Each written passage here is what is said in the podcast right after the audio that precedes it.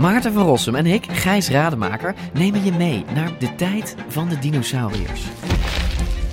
Ja, jij vindt het gemene beesten vind het gewoon eigenlijk. gemene beesten. Ja, Kijk, kijk naar ze. Beesten zijn niet gemeen. We zijn het eigenlijk nooit eens. Maar T-Rex is toch veel sexier. Nee, ik vind een kakkerlak net zo sexy als T-Rex. Ja, ik zie dat je daar moeite mee hebt. Voor iedereen die vroeger al van dino's hield en nu nog steeds een beetje, luister naar DinoCast.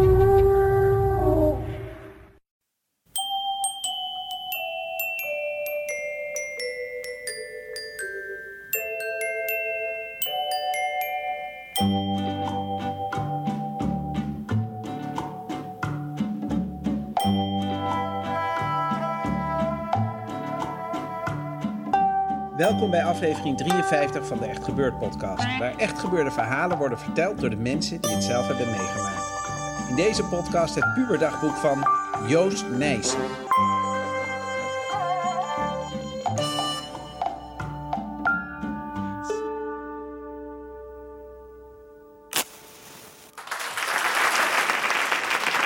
Eh, ja, mensen, ik eh, ben een late dagboekenschrijver. Er zit een beetje echo in, klopt hè? Of zit dat in mijn oor? Eh, veel eh, puberdagboeken worden geschreven... Is het echt alleen in mijn oor? Nee, nu is. Eh, worden geschreven tussen, nou wat zal het zijn, 12 en, en 17 of 18. Ik ben heel laat begonnen, om mijn 17e. En ik heb doorgeschreven tot mijn 28e. En dat waren dit soort schriften. En daarvan eh, zag ik er, ik telde er iets van 20 of iets dergelijks. Dus als ik het integraal zou voorlezen, dan zouden we hier vier etmalen met elkaar zitten. Daar hebben we geen tijd voor. Eh, dus ik put iets uit mijn allereerste map, dat is deze. Waarbij ik eh, als eh, jongen van 17 dus op papiertjes tikte op een elektrische schrijfmachine. eh, met, met alles heel precies. Voor velen hier is dat bijna niet meer voorstelbaar, maar dat ging toen nog zo. En die dagboeken die gingen vooral in het begin over dat ik een schrijver wilde worden. En het ging natuurlijk ook over liefde en over andere dingen die je bezighouden eh, op die leeftijd. Ik wou een, een, een minuscuul tweeluikje eruit lichten. Door even wat voor te lezen uit de aanloop waarin ik schrijver wilde worden. En, en waar dat op uitliep. liep. en vervolgens eh, een, een, een klein kort liefdesverhaaltje. Eh, eh, het, je moet het situeren in, in Eindhoven, waar ik geboren ben. waar ik bij mijn ouders nog woonde. Later ging ik studeren in Amsterdam. En dan zijn we inmiddels met, met de liefde in de weer. Voordat ik dat voorlees, eh wou ik even om een toon te zetten... eh, een paar dingen voorlezen uit een lijstje dat ik maakte op 29 maart 1977... eh, van dingen waar ik een gloeiende hekel aan had. Dit is een top 10 van dingen waar ik een gloeiende hekel aan had. En er komt daarna een top 10 van dingen waarvan ik een kick kreeg en die mij deden leven. De eerste categorie vind ik zelf sterker dan de tweede. En ik lees ze niet allemaal voor. Waar heb ik een gloeiende hekel aan? Jongens van rijke ouders die zeilen, hokje en radio's in elkaar zetten. Dat was kennelijk echt, dat maakte me echt woedend. Punt 2. Vrouwen op leeftijd bij elkaar op de koffie die bekrompener, huigelachtiger zijn dan wie ook. Die hun gezichten verbergen onder mascara en glimlachen. En die hun lichaam en verrotte geest alleen op peil kunnen houden met grote hoeveelheden sherry en valium. Oké. Een wc-bril die nog warm is van de blubberige reet van een ouder persoon. Vier, mensen die luid smakken, mensen die openlijk praten over maandverband, naar de wc gaan, mensen die een scheet laten en daarbij kijken alsof ze van niks weten. Vijf, uitgevers van weekbladen voor het hele gezin. Zes, Mercedes-rijders. Dat was, in die tijd was dat zoiets als dat Vlaamse jeugdkamp. Eh, dan sla ik even wat over. En, en, en, en nog, nog twee dingen die me echt ergerden. Mensen die als je kritiek levert op bepaalde personen... dingen zeggen als, als je jezelf maar bent. Iedereen is vrij in zijn doen en laten. Je leeft maar één keer. En, en de laatste waar ik een hekel aan had... mensen van de sociale academie... die denken dat ze de hele wereld met al zijn verhoudingen begrijpen... maar er in feite geen bal van af weten... omdat ze te dom voor zijn. Zo. En waar ik dan heel blij van werd... en, en het, is, het heeft mij ook verbijsterd toen ik het eh, op verzoek van Micha doorbladerde... Is eh, van, van, een, van een onschuld dan plotseling... waar ik een kick van krijg. Eén, de jaargetijden. Twee, nou nee, niet zo leuk. Drie, muziek gespeeld door kundige en bescheiden muzici. Vier, kinderen, vooral tot een jaar of twaalf. Dat is een hele vroege pedofilie. Uh, zeven, een aantrekkelijke vrouw. Acht, en het is echt heiliger dan een heilig boontje. Een moestuin maken, zaadjes zien uitgroeien tot complete planten. Negen, laatste, vrienden met wie je maar weinig hoeft te zeggen om elkaar te begrijpen. En, en, en dan had ik één heel kort dingetje over die seizoenen. Want die, die kikt, ik kikte echt op de seizoenen. Ik schreef op 17 september 1976... Uh, hallo, verschrikkelijk fijn dagboek. Ik ben in een zeldzaam gelukkige bui. Alles is leuk en fijn en heerlijk. Toch ben ik niet helemaal juist als ik zeg dat alles zonnig is. Vandaag is er namelijk iets gebeurd wat juist de zon in sterkte heeft doen afnemen. Een gebeurtenis heeft plaatsgevonden, zoveel betekenend voor de gevoelsmens en zo ongemerkt voor de onverschillige. Want dames en heren, de zomer is voorbij, het is herfst. Nou, dan gaan we gauw naar, eh, naar de schrijfperiode. Uh, en daar pikken we alleen maar even heel snel iets uit. Ik, ik wou schrijven en uh, dan deed ik mijn best natuurlijk om Goethe en Kafka en, en Thomas Mann en iedereen tegelijkertijd te zijn. Dat is allemaal heel hilarisch, maar daar hebben we hier geen uh, tijd voor. Maar dat, dat ging dan met zinnen als... ik heb net geprobeerd te dichten, maar het lukte niet. Jammer dat ik steeds moet wachten op die zo schaarse momenten van inspiratie. Een klein beetje desillusionerend is het wel. Volgens mij gaat er de komende jaren behoefte ontstaan aan boeiende, mooi vertelde verhalen. Zonder dat dit afgezaagde liefdestories zijn. Oké. En ik geloof dat ik niet fantaseer als ik zeg dat literatuur iets is wat herkenning bij de mensen moet oproepen. Daarom zal fantastische literatuur misschien altijd een beetje een buitenbeentje blijven. Nou ja, zo zat ik over literatuur te reflecteren en toen uh, ging ik natuurlijk zelf schrijven. En uh, dat waren veel gedichten. En uh, nou moet ik eventjes kijken of de goede volgorde doe. Uh, toen uh, was er een, een uitroep van vreugde en die zit hier. Op 24 november 1977, ik werkte toen in een, wat tegenwoordig een gap year heet, werkte ik in een, in een bistro in Eindhoven. 24 november. Bravo, ik heb een literaire prijs gewonnen in de dichtwedstrijd van het Belgische literaire tijdschrift Filter. Zaterdag ga ik naar Gent om de prijs te halen, wat het ook wezen mag. Ik denk niet dat er geldbedragen zullen worden uitgekeerd, want wie moet dat betalen? Ik word zenuwachtig als ik hier aan denk. Het idee dat ik daar ver weg in België mijn gedichten moet gaan staan voordragen, bibber. Is dit dan het begin van een poëziecarrière?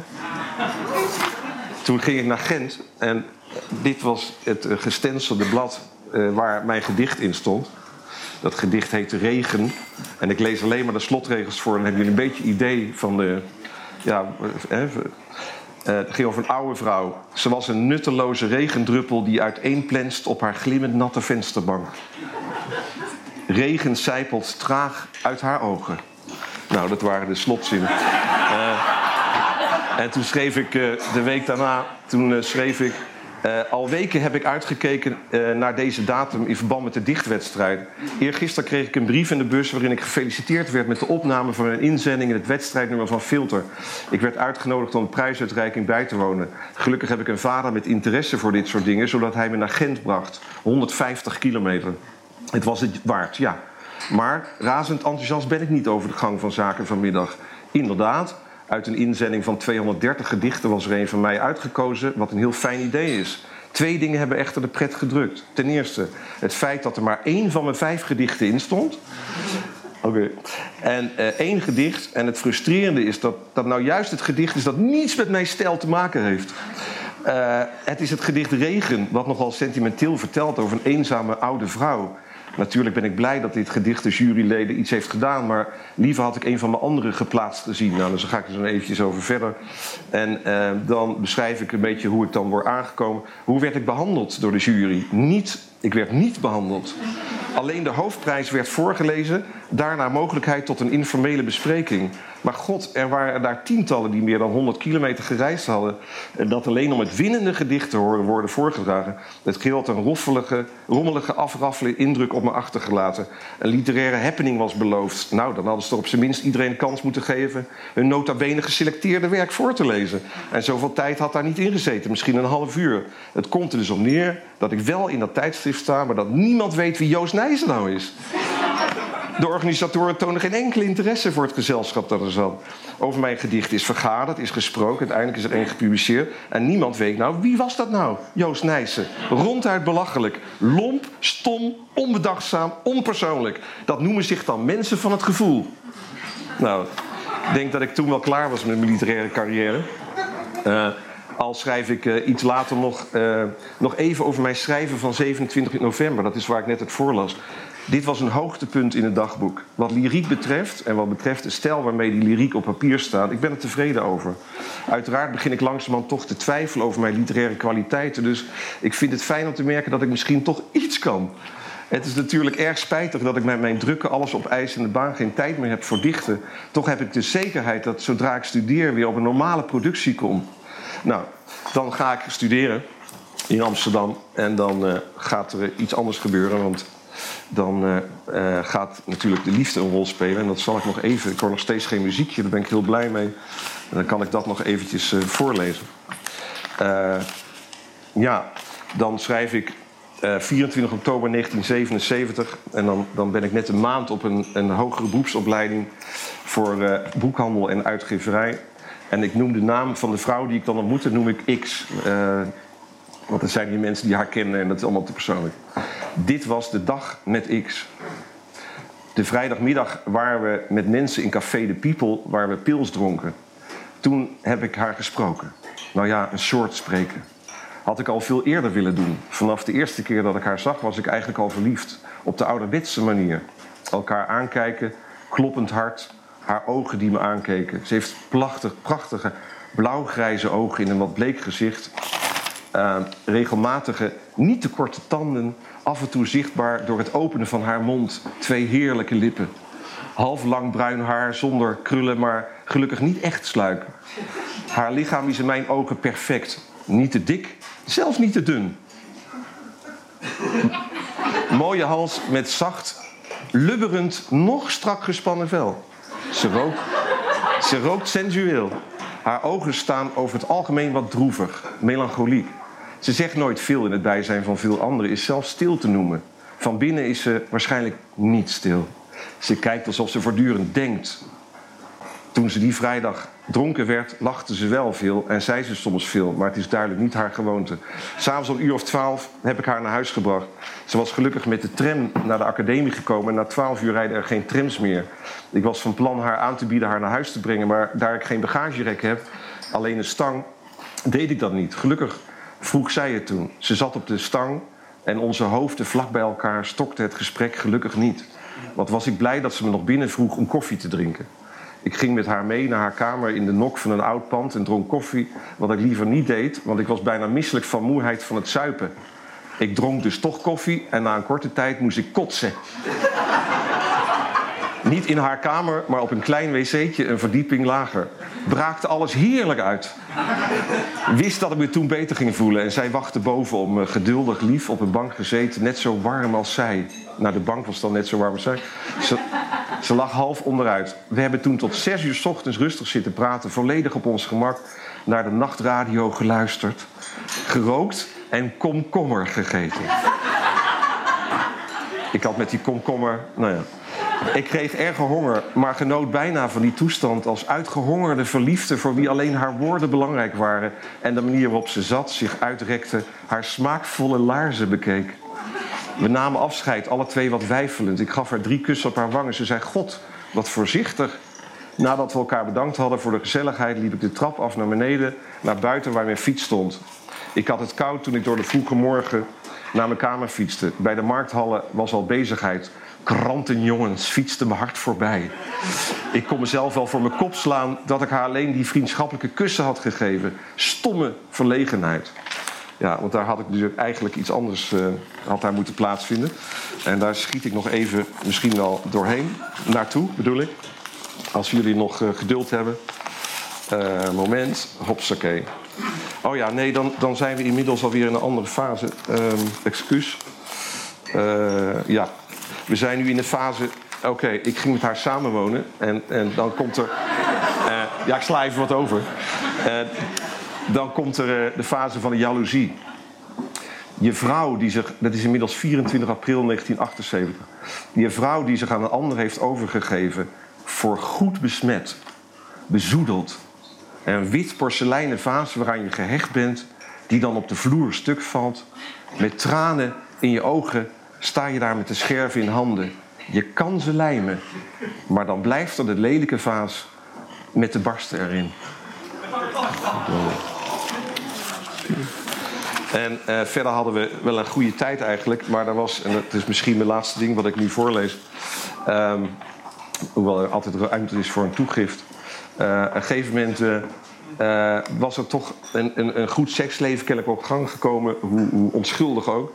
Eh, maar er was iets wat ik mijn dagboek toevertrouwde. Eh, er zijn dingen die je niet tegen elkaar zegt. Dat houdt me veel bezig. Zegt X wel alles tegen mij? Zeg ik wel alles? Is het goed dat te doen? In het erotische gedeelte van mijn gedachtenwereld is er één ding waar X misschien geen weet van heeft. En ik ben zo riskant dat hier aan het papier toe te vertrouwen. Schreef ik met bonkend hart, hè? moet je je voorstellen. En ik ga het jullie nu voorlezen. Hou je vast. Ik moet wel heel ernstig zijn. Op momenten dat ik niet opgewonden raak door liefdespel met X, op momenten dat ik me wil af, puntje, puntje, duikt het mij zeer intrigerende en opwindende beeld op van twee vrijende meisjes. ik, ik word al opgewonden van die drie woorden. Twee vrijende meisjes. Niet dat dat uniek is. Uit films en literatuur blijkt dat dat een veel voorkomende fantasie is van mannen en vrouwen. Gek dat twee vrijende mannen mij niet opwinden. Gelukkig maar eigenlijk. Hoewel het taboe van homoseks... Hoewel het taboe van homoseksualiteit de laatste jaren redelijk doorbroken is, is het toch iets dat mij voornamelijk met walging vervult. Vrouwen zijn daar trouwens veel makkelijker in. Hoe vaak hoor je niet als vrouwen eh, liefde tussen mannen gadeslaan? Wat schattig. Als ik aan liefde tussen vrouwen denk, bonkt mijn hart. Die mistige, zachtaardige gebaren van naakte vrouwen die elkaar in de nek kussen. Die fluweelzachte huiden, die natte openingen. Mijn geheimste vraag, zou X dit nou ook denken? Ik ken precies de passages in de boeken die we hebben waar lesbische tafereelen in voorkomen. Als ik me af, puntje, puntje, puntje, grijp ik meteen naar die boeken. Aan de andere kant is dat mijn grootste angst. Dat X voor vrouwen zou voelen. Voortkomend uit die mij soms verterende jaloezie. Die ik probeer opzij te zetten. Nou, ik denk dat ik hier eindig.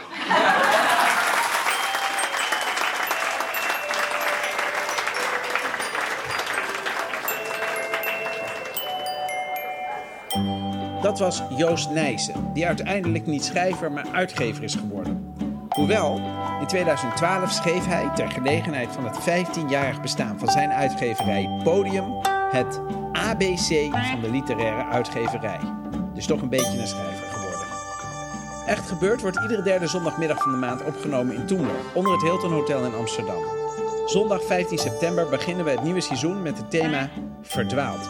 Kom gerust langs of verdwaal zelf onderweg naar Toemler en kom daar een volgende keer over vertellen. Want zonder vertellers bestaan we niet. En we zijn altijd op zoek naar vertelbloed. Heeft u zelf een bijzonder verhaal te vertellen? Of wilt u er gewoon een keer bij zijn als er echt gebeurde verhalen worden verteld? Ga dan naar www.echtgebeurd.net. Daar kunt u zich ook opgeven voor onze nieuwsbrief. De redactie van Echt Gebeurd bestaat uit Eva Maria Staal, Paulien Cornelissen, Rosa van Dijk, Eva Zwaving en mijzelf, Micha Wertheim. De techniek is in handen van Vrijman en Vrijland. Dit was de 53ste podcast van Echt Gebeurd. Bedankt voor het luisteren en tot de volgende podcast. En vergeet niet, stap nooit in een Mercedes. Tenzij je het vermoeden hebt dat het een goed verhaal oplevert natuurlijk.